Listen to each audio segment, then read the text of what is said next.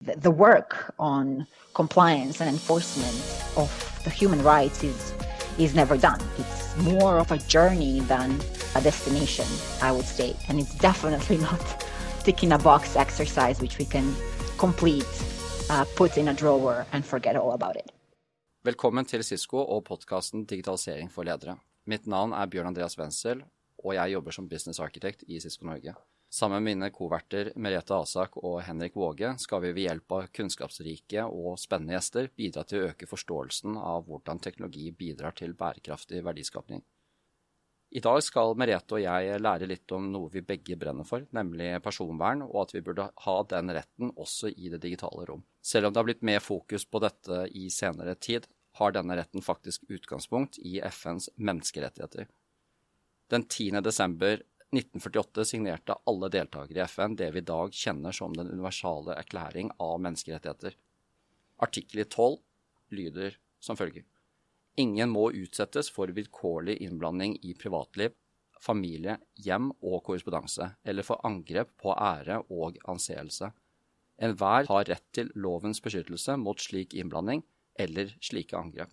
Dette var tiden før internett og sosiale medier, siden den gang har digital overvåkning og business basert på kunnskapen om deg som individ eksplodert. Ja, Bjørn Andreas, det er et langt skritt fra 1948 til 2018, men i 2018 skjedde det noe ganske dramatisk i forhold til personvern.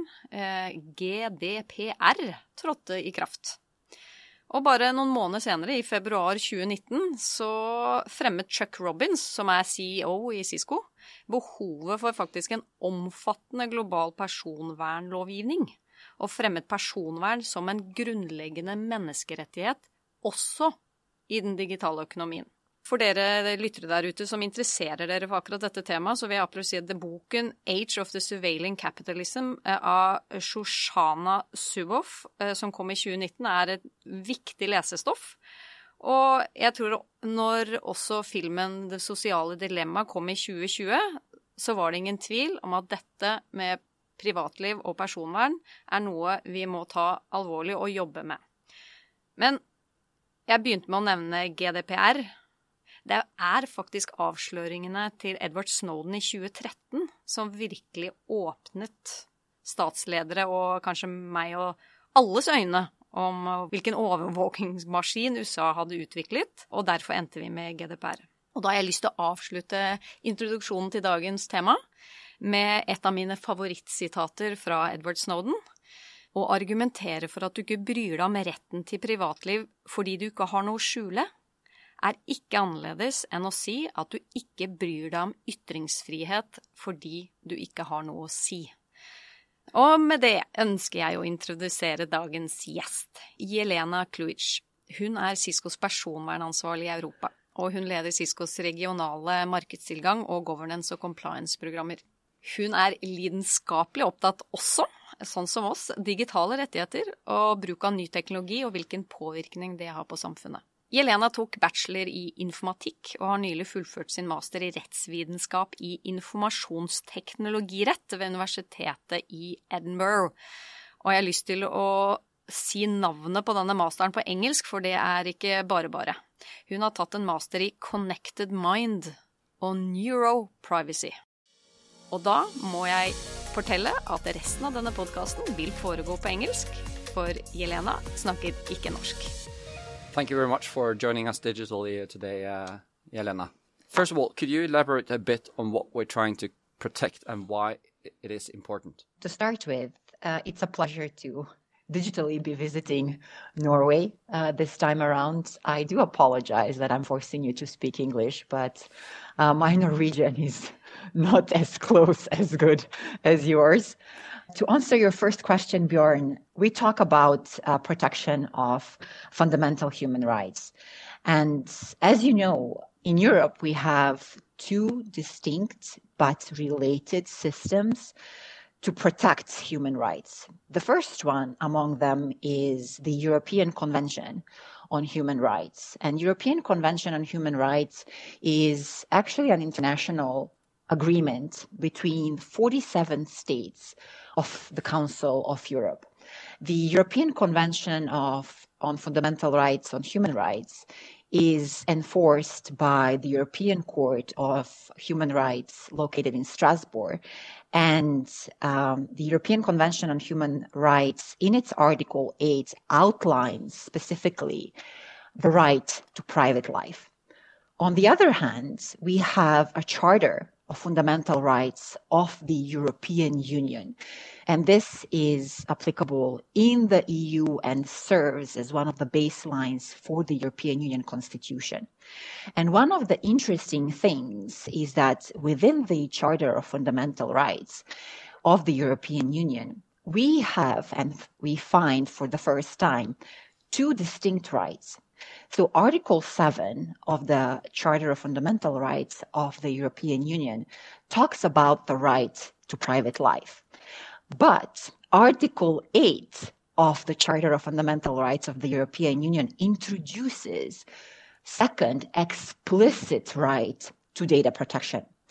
And therefore, whenever we use, you know, privacy and data protection interchangeably, it is important for us in the EU to understand that they are two independent or closely related um, human rights under the Constitution of the European Union. Now, the data protection right is um, in itself interesting because it does introduce the requirements for the personal data to be uh, processed fairly, to be processed for specified purposes, to be processed based on consent or, for example, other legitimate basis. It also provides data subject rights, such as the data subject access right or a correction right. And interestingly, it also introduces the requirement for data protection rights and the compliance with these rules to actually be subject to control by an independent authority. So therefore, um, the data protection right stands in its own right uh, as a separate, distinct right from privacy and uh, provides another dimension um, to protection of privacy as a fundamental right. However, one of the interesting things present in both European Convention on Human Rights and Charter of Fundamental Rights of the EU is the fact that the right to privacy and the right to data protection are not absolute. There can be interferences with the right to privacy and with the right to data protection, provided that these interferences are proportionate and necessary in democratic society. And some of the examples that, for example, uh, European Convention on Human Rights outlines is that these interferences can be in the interest of national security, public safety, or, for example, even the economic well-being of particular country. And it can also be used for prevention of disorder or crime, um, for protection of health and morals, etc. So it's important for us to understand, as I mentioned, that interference with these fundamental rights in both of these distinct systems that I mentioned is actually not absolute. The interference exists. Now, the question is, why is it important? Like, why do we talk about privacy and data protection? What does it have to do with democratic society, with who we are as individuals?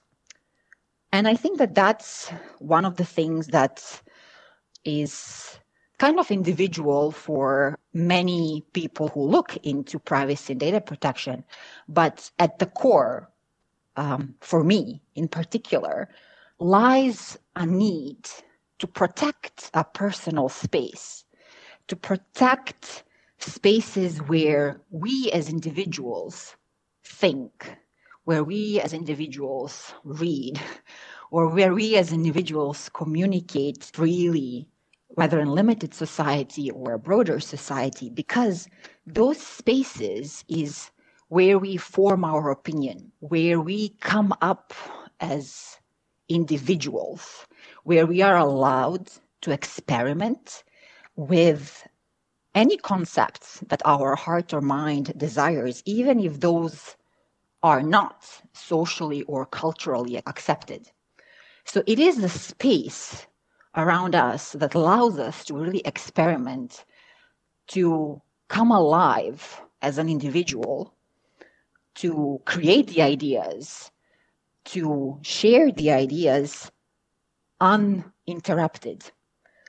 And I think that's uh, one of the examples that we have seen in the past of what can happen if those spaces are actually um, intruded upon. If we have surveillance of whatever kind intruded upon those spaces, is that humans tend to change their behavior in circumstances where they know that there is a gaze, so to say, watching them. And humans tend to adjust to the culturally and socially acceptable norms. Therefore, um, for us to preserve privacy, preserving privacy is therefore about preservation of our individual and separate individual development into the members of society. And therefore, I believe that the right to privacy and data protection are both fundamental to the freedom of thought, to the freedom of expression, to forming of the ideas. And what can really happen when our spaces are invaded? Um, I think one of the, the popular examples in the recent history has been Cambridge Analytica. We will talk um, uh, about Snowden and his revelations. But what we have seen within Cambridge Analytica story is that when the personal spaces are invaded with an intention to psychologically profile human behavior, that the whole system or our democratic values can change. Therefore, preserving privacy and preserving data protection is not only serving us as individuals to develop into um, individuals with independent thought, it is also important for our society to maintain the democratic values that our society lies upon. I would like to, to have a follow up question on, on that because you did mention the EU Charter and so on. Knowing that we are in Norway, not part of the EU, I'm curious to know if if the same rules apply to us. The the General Data Protection Regulation, which is so to say secondary law in the European Union, has actually been transposed um, to um, Norwegian national law. So the GDPR, General Data Protection Regulation, and the right to data protection, and at its heart, the right to privacy, is applicable to Norway as well. I had a very brief intro about Snowden, but could you walk us through the story that led to where we are today with the focus on privacy? Absolutely, Marita. And if I may say so, the quote that you shared is also one of my favorites. Um, uh, to start with, at the heart of Snowden revelations lies this concern of indiscriminate surveillance practices by the United States government. And this concern uh, of uh, indiscriminate uh, surveillance is something that is uh, rather worrying uh, for the countries within the European Union because, as you know, the fundamental rights to privacy and data protection are constitutionally guaranteed right, and any infringement upon these rights or interference with the rights has to pass the strict necessity and proportionality tests that I mentioned. Now, to cover the, the, the Snowden story, as you uh, uh, pointed out, we have to go. Uh, um, I think it's close to it's almost ten years ago, right? In the in, to the spring of 2013, when Snowden revelations happened, and at the time, um, another important figure for our listeners to know. Uh, Maximilian Schrems was um, still attending his studies, and in the aftermath of Snowden revelations, he actually had a concern that these revelations suggested that the EU granted privacy and data protection rights, which we talked about just before, may be violated by international data transfers from Facebook Ireland in this particular case to the Facebook to the United States. And this initial complaint that Max Schrems made to Information Commissioner, uh, Data Protection Commissioner of Ireland, ended up with the Court of Justice of the European Union in 2015. And in 2015, the CJEU, um, the Luxembourg court, looked at the process for assigning the adequate level of protection to a particular country.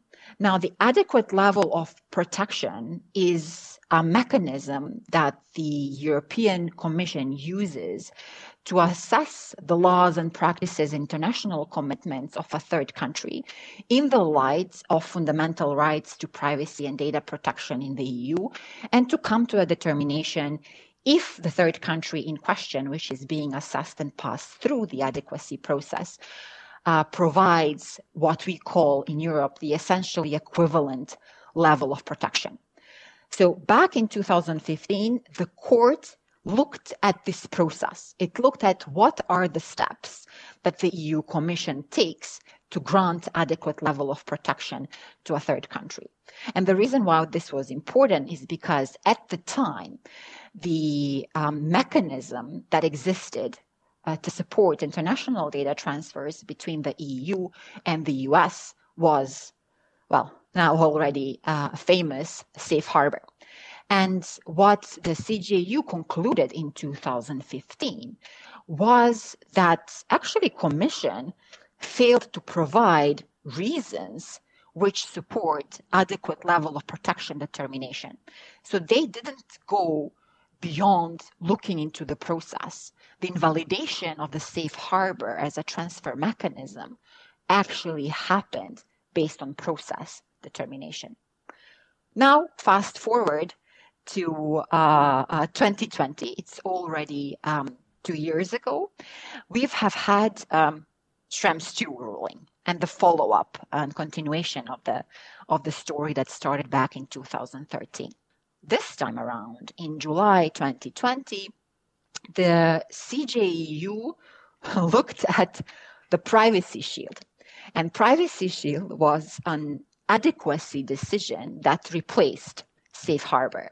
So next to um, concluding that uh, the uh, Privacy Shield was invalid as an adequacy decision made by the EU Commission, the Court of Justice of European Union upheld standard contractual clauses as an additional uh, safeguard mechanism that can be employed to safeguard the international data transfers.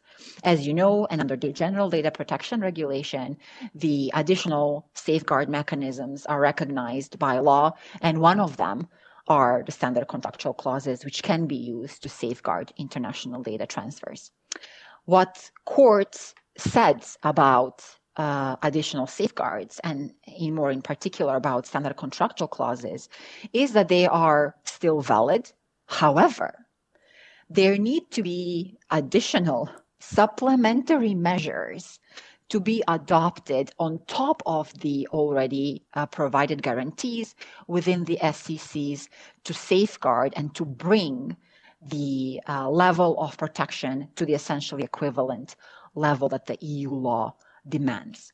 On top of the standard contractual clauses or the SCCs, the court mandated adoption of supplementary measures that need to be put in place in order to bring the protection of personal data processing to essentially equivalent level of that guaranteed by the EU law.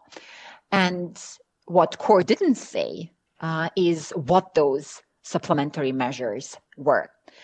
Some months after uh, 16th of July 2020, when Schrems 2 decision uh, had passed, of which, as we just talked about, the two most important consequences for us is A, invalidation of the adequacy decision or privacy shield between the EU and the US. And two, yes, you can still use standard contractual clauses or the SCCs, but you need to adopt supplementary measures on top. The European Data Protection Board, which is the board that brings together 27 of the data protection authorities of the EU, came together and provided their opinion on what supplementary measures are.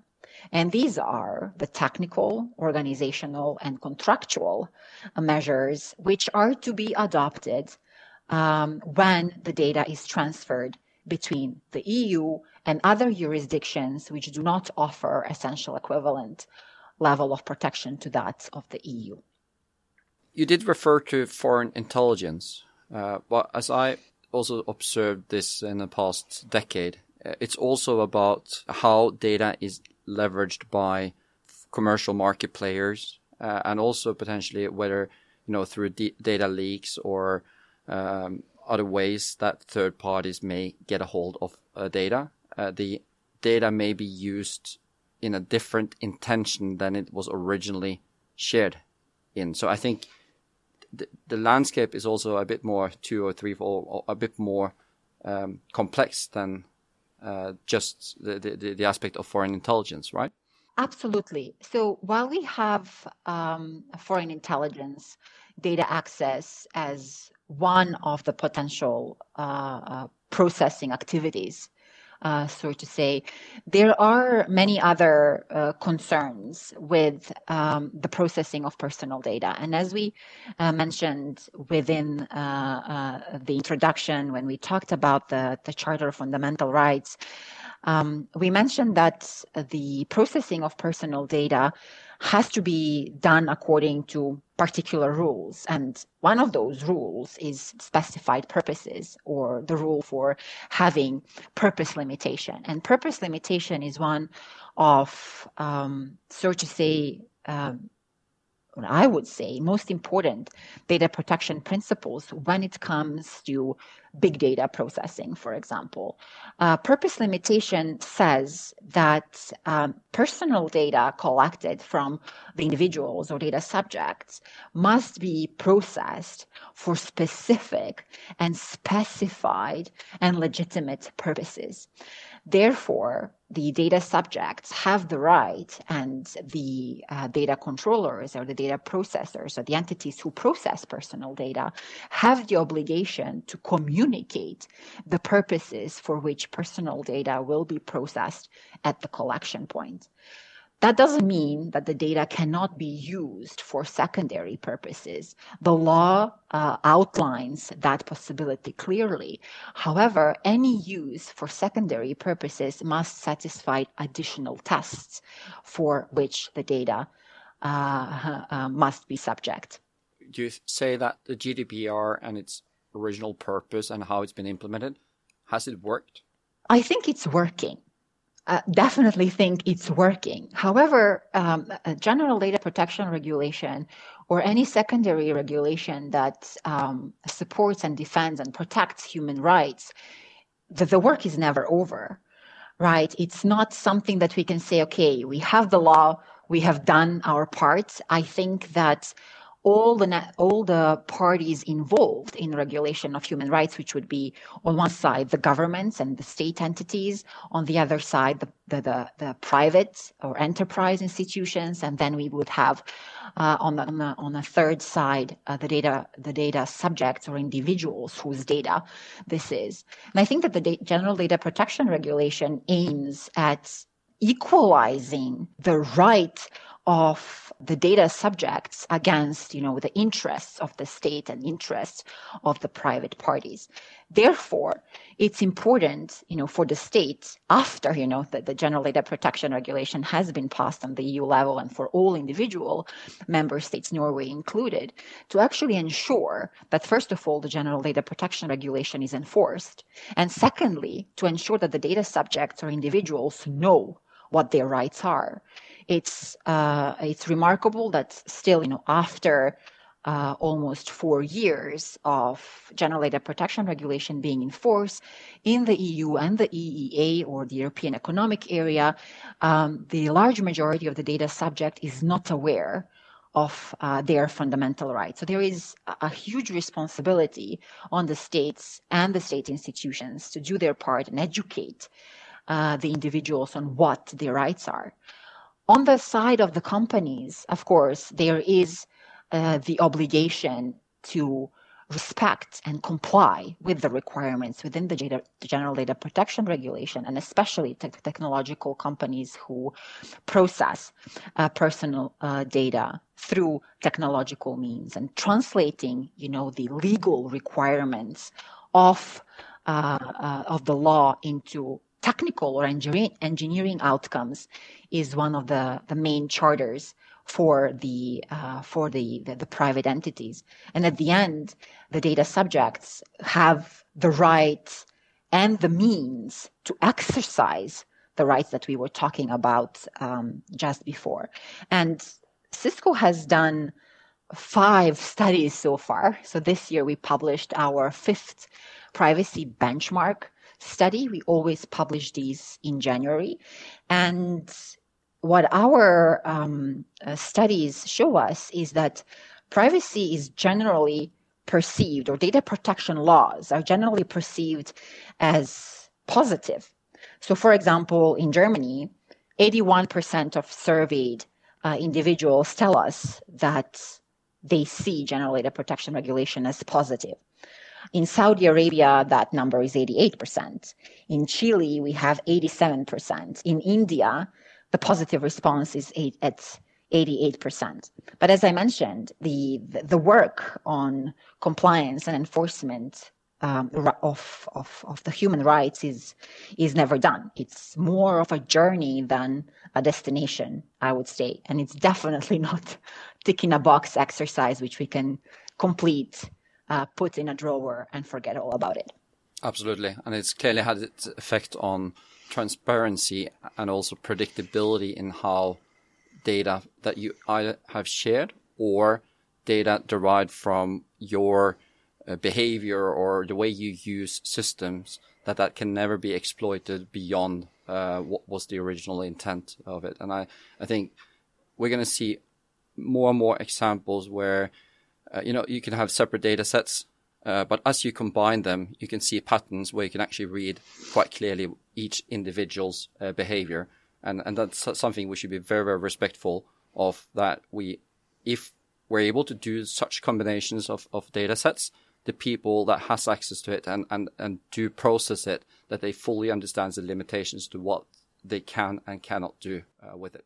Absolutely. And uh, I think you bring an important point, Bjorn. As, as we know, uh, the big data uh, algorithms are there to discover not before seeing patterns and to look for new insights in existing data sets. However, this does not mean that it cannot be done not in accordance with the law.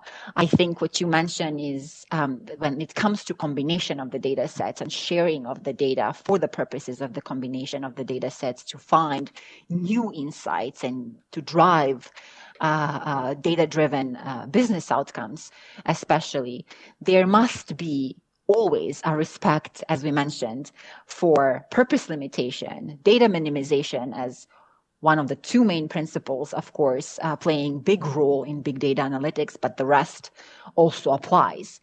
And indeed, the European Data Protection Board, the EDPB board, which we uh, mentioned uh, in context of providing additional information around supplementary measures, actually publishes guidance on how to interpret or how to um, actually put the safeguards around big data processing, what it means for compatibility assessment, for functional separation, and those are now more technical terms. But for whoever is interested, these guidances exist, and there is always a way to ensure that the processing is aligned with what the law requires.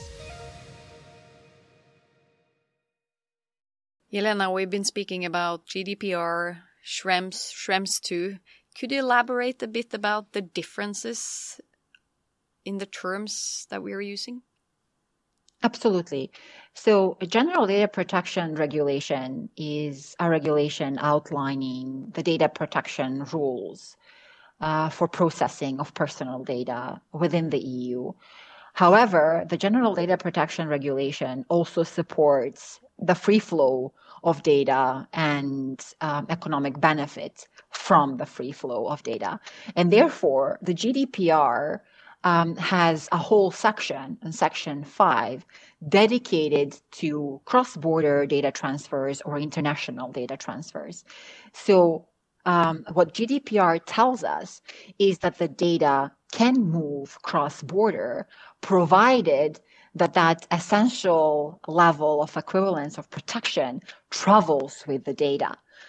And the Schrems 2 actually relates to the mechanisms used for international data transfers. Um, uh, Schrems 1 and Schrems 2 decisions, as enforced by the CJEU, were directly addressing one of the main mechanisms under the GDPR for international data transfers, which we mentioned was an adequacy decision made by the EU Commission on a country level. And then we also touched upon the other safeguards next to the adequacy decision that support international data transfers, such as the standard contractual clauses or the SCCs, which are still valid, subject to additional supplementary measures as talked about. Therefore, Schrems 2 uh, decision by the CJEU really addresses a part of the general data protection regulation. However, what we see as um, a market reaction to the Schrems 2 ruling and to the international data transfers is this rise in further requests for uh, local data processing or data localization or data processing within Europe or data processing within other regions due to insecurities around international data transfers. As you can imagine, um, striking down of an adequacy decision, which happened in both Schrems and Schrems 2 rulings, has significant impact on the trust in the market, especially in uh, cloud technologies that are most prominently and usually coming from outside of the EU. That leads me perfectly to the next question, uh, Jelena. We hear people use data sovereignty and data localization and data residency interchangeably. Could you elaborate a bit about the difference and why it matters? I can most certainly try. Thank you. um, the the concern uh, that we are facing is that there are no um, internationally recognized definitions of the terms or any standards that actually provide us with the definition. So for us at Cisco, when we talk about data residency. Data residency is more of a technical term in terms of where the data is located. Uh, and when we talk about it, we talk about it in, in context of the data centers, where the data centers are located, where the data is resident. And it's a technical term. There is a slight difference between data residency as a technical term and data localization, because data localization inherently introduces some of the other and most often legal requirements related to data. Data localization would most uh, uh, prominently introduce for example, limitations in international data transfers, limitations in access to data, etc. And then on the far end of the spectrum, we have uh, data sovereignty. And the data sovereignty is really about applicable laws on an exceptional level. So when we talk about data sovereignty, that would, uh, uh, if the if the the processing of the data is sovereign in in such manner that would mean that only laws of one particular country in which the data is processed apply. No other uh, jurisdictions can touch that data possibly. And I think that that's uh, most restrictive of uh, all three terms. So starting from data residency as a technical term, data localization introducing some of the legal requirements and most often interpreted as restrictions in international data transfers, and then data sovereignty as an absolute lock in within the jurisdiction of one particular country. What I'm hearing here is that it's in any conversation, I guess it's useful to ask uh, what they mean with the different terms so that you are referring to the same type of uh, the use of the word data sovereignty, data localization, or data residency, that we agree on the terms when you speak to someone, because they are used, uh, as you say, interchangeably. Absolutely. Common understanding of words, especially some difficult ones, is often uh, very useful. And data sovereignty, you know, that could very easily lead to autonomy. But I think that's going to be uh, um, a conversation in a, in a future episode, uh. Um, so, Jelena, where where should I go to understand if the systems I'm using actually are compliant to GDPR and the um, the effects of the Schrems II uh, ruling? I think that one of the, the, the main distinctions that we make is that uh, the systems themselves or technologies cannot be compliant with the GDPR. It is actually their processing of personal data that has to be brought in line with the general data protection regulation. Um, so the there are a couple of things that are arising uh, and that we see as a standard in the market when it comes to verification of um, uh, processing of personal data by specific technologies. Uh, most of companies, including Cisco, have this practice of trust centers or trust portals where compliance um, documentation can be found. Cisco has a long tradition now uh, of publishing the so-called privacy data sheets, which are accompanying, for example, our cloud offers, and they provide details about what personal data elements and categories of personal data are processed, what the purposes are, what role does Cisco take in processing of that data, um, how long do we keep uh, the data, where the data is uh, located, what are the data uh, subject rights, uh, how can they be uh, exercised, etc., etc. So this is something that um, uh, the companies uh, as I mentioned, including Cisco, have started doing in explaining and in such a way satisfying, you know, the the obligation for transparency, which is one of the other data protection principles as required by the General Data Protection Regulation. However, the GDPR itself um, does provide um, some mechanisms for um, compliance or demonstrable compliance with the GDPR. And one of them has just recently uh, uh, emerged because it has been the first uh, certified under the General Data Protection Regulation as a mechanism to prove compliance. And that mechanism is called the EU Cloud Code of Conduct. Um, the reason why I say recently is because we got the approval for the EU Cloud Code of Conduct, which is one of the, the codes of conduct under the GDPR only last May. So it took us, so to say, took the market three years to come up with the mechanism for demonstrable compliance within particular sector. As you know, GDPR is technology neutral. GDPR doesn't talk about particular technology. And it's also what we call a horizontal law. It's not sector specific and it applies to many different uh, industries and contexts of processing personal data. Therefore, the legislators and the EU Commission, being one of them, have actually thought of a mechanism for demonstrable compliance, which is a code of conduct, which allows separate industries, so to say, to come up with their own set of rules to demonstrate compliance with the GDPR. It's a, in a way, you can look at it as a practical implementation of the GDPR within a particular industry.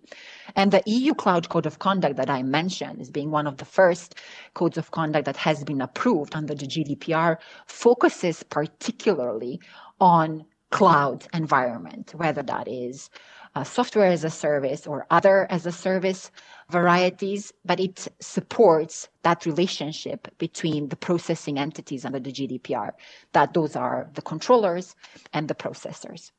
Cisco, for example, does have the EU Cloud Code of Conduct for WebEx, and therefore we are very uh, proud to be able to say that we have a demonstrable way to show compliance. So when you now look at some of the things you, you've covered so far, does this mean that any digital service offered to people really can't use personal identifiable information to create a better user experience at all? not, not at all. That doesn't mean that. The personal data processing, uh, as long as it is compliant and fulfills the uh, requirements of the General Data Protection uh, Regulation and data protection principles, is definitely possible. Now, one thing that um, we uh, we come across when we talk about processing of personal data and data protection um, now would use the opportunity to bring us back to the relationship between the data protection and privacy. So, for example, when we talk about the processing of personal data, data protection in that context is sort to say broader the right to privacy, for example, because uh, it applies even if the data protection processing doesn't infringe on the right to privacy. So that what I'm trying to say is that not every processing of personal data is going to infringe on the right to privacy. Now, when it comes to data protection being narrower than the right to privacy, data protection deals with the processing of personal data only. It doesn't do with the processing of other types of data which can constitute the private life. Private life of individual is much more than just processing of personal data. So it's important for us to understand and always look at the context of processing. Context of processing is important uh, consideration when we talk about personal data. Now, when it comes to use of personal data to improve the services. And here I am going to happily refer to an author that uh, Merete referenced in introduction for this podcast episode. And that is definition of what is that better experience. And Shoshana Zuboff actually defined something that we call behavioral surplus. surplus. And behavioral surplus is something that we give away unconsciously when, you know, providing the data. And behavioral surplus is used for predictions about future behavior of the individual. So, for example, there are entities out there who are interested in knowing what an individual is doing now, what they are going to do in the future. And the important thing is to try to, to, to, to actually um, have that distinction between what is the minimum data? Again, we are going back to the data protection principles. What is the minimum data necessary that I need for improvement of the service? right? And then there is a question, what do we do with all of this additional data that is generated through the use of the service, which doesn't fit and it's not necessary for the use of the service improvement, but is used for other behavioral or psychological predictions. And that data that we share subconsciously, and the example can be um, let's say that we share uh, um, a, a, post on social media and we say, okay, uh, I'll meet you there, or I say I'll meet you there at 6:15. That says something about the person. It says about what kind of profile they have. It is, you know, the data that's shared subconsciously, but can be used to actually influence uh, the behavior and in such a way um, create that behavioral surplus that goes on top of what's really necessary for service improvement. And that is where we need to be careful. Need to be careful about respecting the data protection principles and ensuring that we always have control of those versus, you know, having this data that has been created and then just using it because we have it. Right? Just because we have the data doesn't mean we can use it for new purposes. Exactly. So in the past, I've, I, I looked at it quite simple in that when you're asking for data or using someone's uh, personal data, you should always look at you know what kind of value or what am I asking for, and is it proportional to the value I'm, I'm bringing back? Would they be willing to make that trade, knowing uh, what what you're going to do with, with that data? Uh, are they acknowledging, are they perceiving that value to be valuable to themselves? Because if they do, most likely they will offer you uh, that data. So I think that's a very simple way to measure whether you're actually respecting their privacy, you know, their what they value. Expectations. Their expectations, yes. Exactly. Yes, mm. absolutely. How can companies be a bit more on top of things when it comes to all these regulations instead of chasing them? A lot of companies being challenged with new regulations coming on. First GDPR, they were on top of that, then Schrems, and then you see Schrems 2. Uh, do you have any any comments or ideas on how to work with all these regulations or, or keep on top, being on top of them? Or at least thoughts. Yeah, thoughts. Yeah, uh, it's definitely an, an interesting conundrum, I would say, because on the legal side, the legislators or the lawyers always complain that the, the law is, you know, slow to catch up with the technology. Right. So it, it, it really depends on, um, uh, on uh, the angle at, uh, at which you uh, look at things. But I think that um, for, um, for companies that deal with the compliance matters, compliance definitely cannot be an afterthought. I think that that's where we struggle the most. For example, when we uh, build products, and I say we, I don't think, I don't speak of Cisco, I speak in general in the market. The market thinks about that placing a product in the markets, we build it first and then we think about, hey, how do we comply with all the laws? And that's one of the, the, the, the challenges that we see uh, in the market. So for that to happen, we we, we really need to shift compliance requirements and build them into the development process. And that's actually uh, not new. For example, the general data protection obligation brings a specific requirement of data protection by uh, design and by default. And honestly, I would I would uh, uh, uh bring data protection or uh, or just data uh, by design and de- default into every process that we have because it brings awareness of the data processing as early in the development stage as possible. It thinks about the responsibilities from the ground up instead of trying to bolt them on after the fact. That is definitely a, a headache for product placement in the market and introduces all sorts of delays if you, for example, have to revisit your uh, architectural design because you forgot to take into account a data protection principle. Um, for example, and you know to to do this right, to do compliance uh, uh, from the get go and to kind of support this shift left approach. One of the, the most interesting things I face in my role is when I talk to the engineers. Like the engineers do not understand the compliance Excel sheets. The engineers need to have a tangible outcome translated from the regulatory requirement of purpose specification, for example, purpose limitation, into what does that mean on the code level.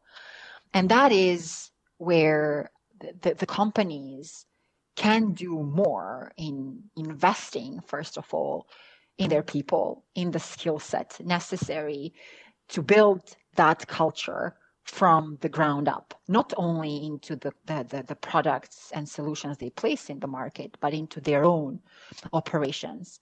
And that takes both time and resources, but the investment in people and investment in skills is the only thing that is sustainable.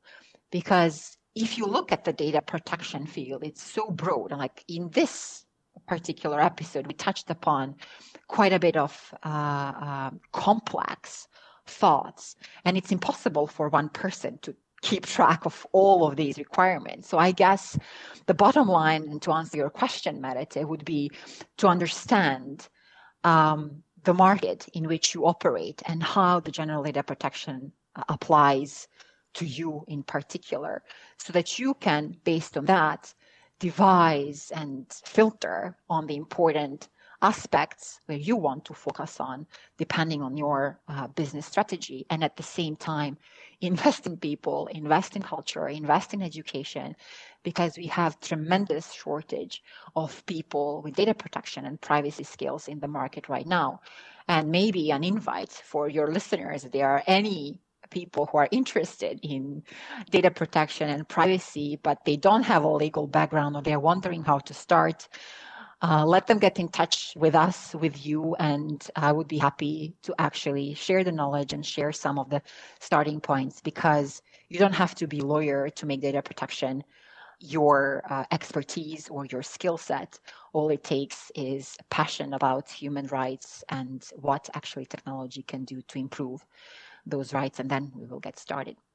So, what is Cisco doing with regards to ensuring cloud based management dashboards of our products? Uh, and are we becoming compli- are we compliant with regards to GDPR and Schrems 2 and EU regulations? yes, absolutely. um, I ha- think but it that hasn't been an easy path, I imagine, since we're a multinational company as well. It's kind of complex, so I guess we've been having to do a bit, bit of a work, right?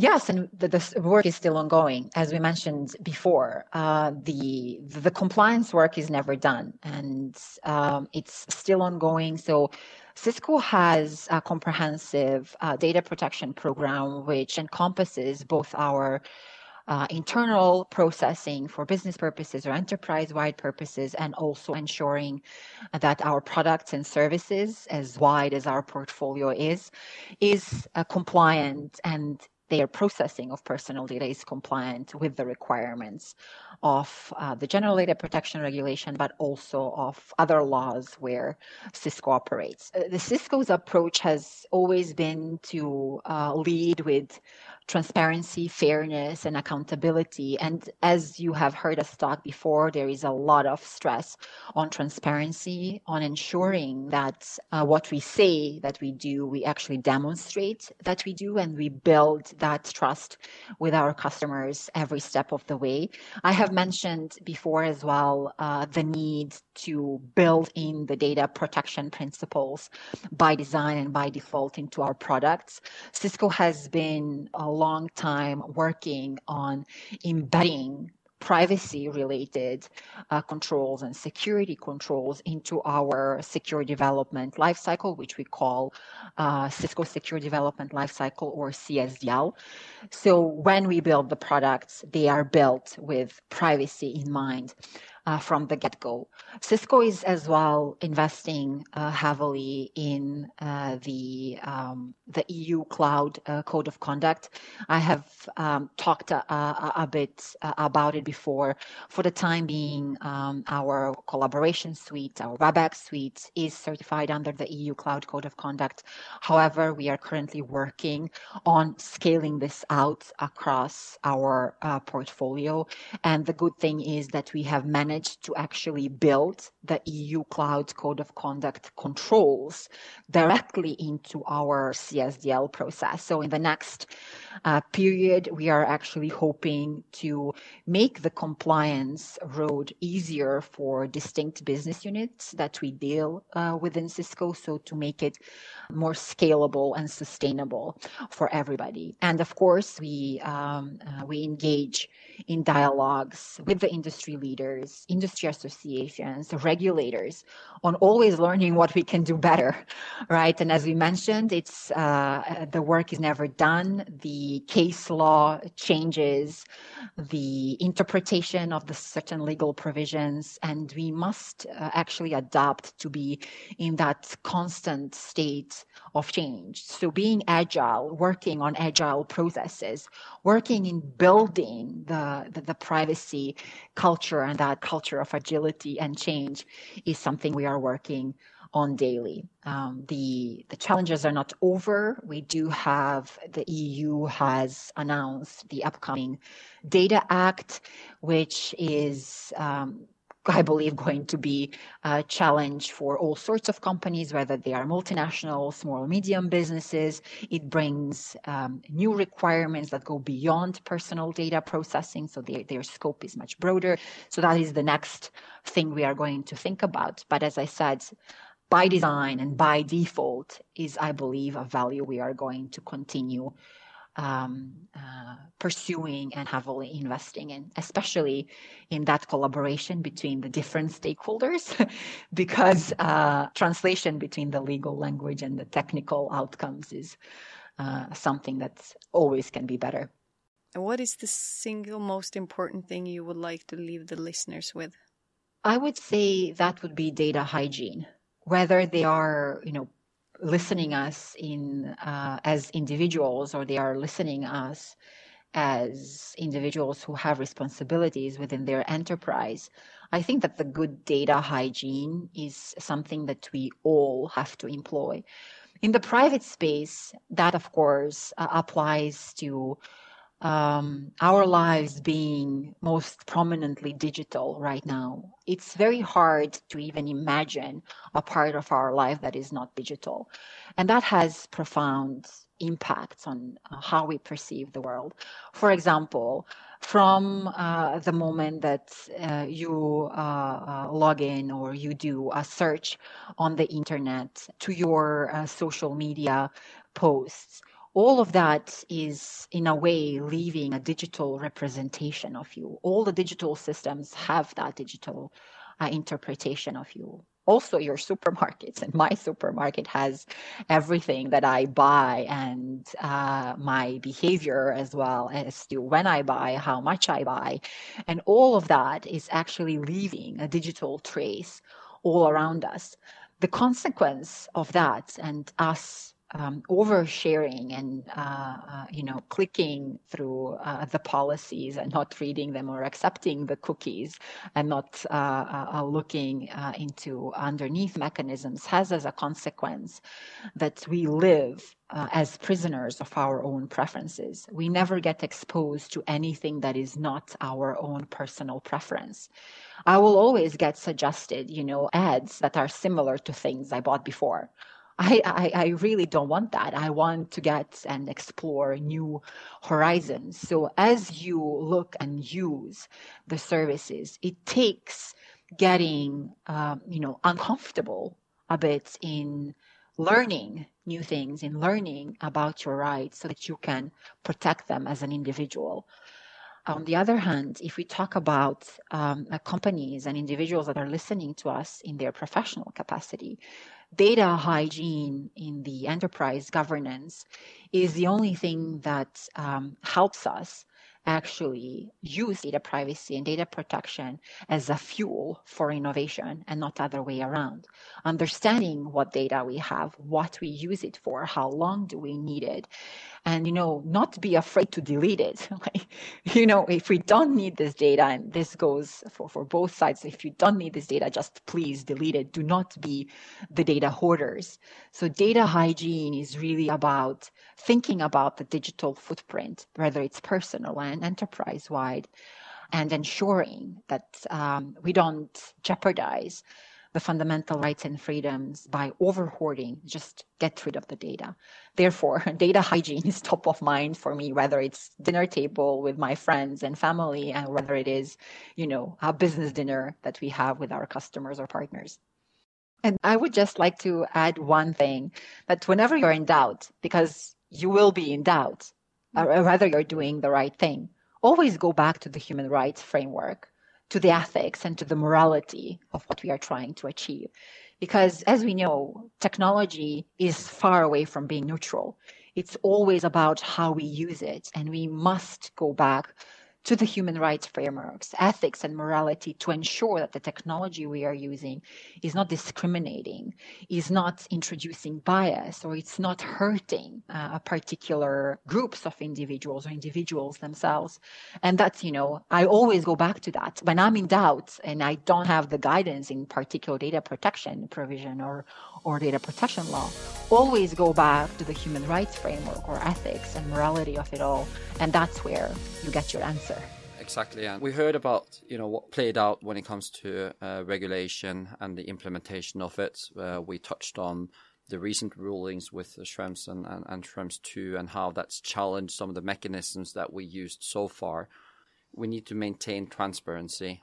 We need to nurture transparency, cooperation, and agreement on these matters also as part of business relationships so that when we do move risk and operational responsibility in between parties, then it should never be on the expense on what ultimately ensures data privacy and protection. I think also what uh, the, the, the the term you brought in here uh, towards the end in that we we need to work together to maintain good data hygiene. I think that's a very very good uh, rec recommendation. Yeah, that's a very good ending, uh, and uh, I'll bring that home to my husband this evening and talk a bit about what we should start deleting. so, Jelena, thank you very much for joining us today and, and sharing all of this valuable uh, perspective. thanks for offering all of this good insights. So I'll switch to um, Norwegian uh, and say uh, tusen takk til alle dere for at dere lyttet på oss. Og vi er tilbake igjen med en ny uh, episode av Digitalisering for ledere om uh, to uker. Og for at du skal være sikker på at du får med deg den neste episoden og øvrige episoder, må du huske å abonnere nå.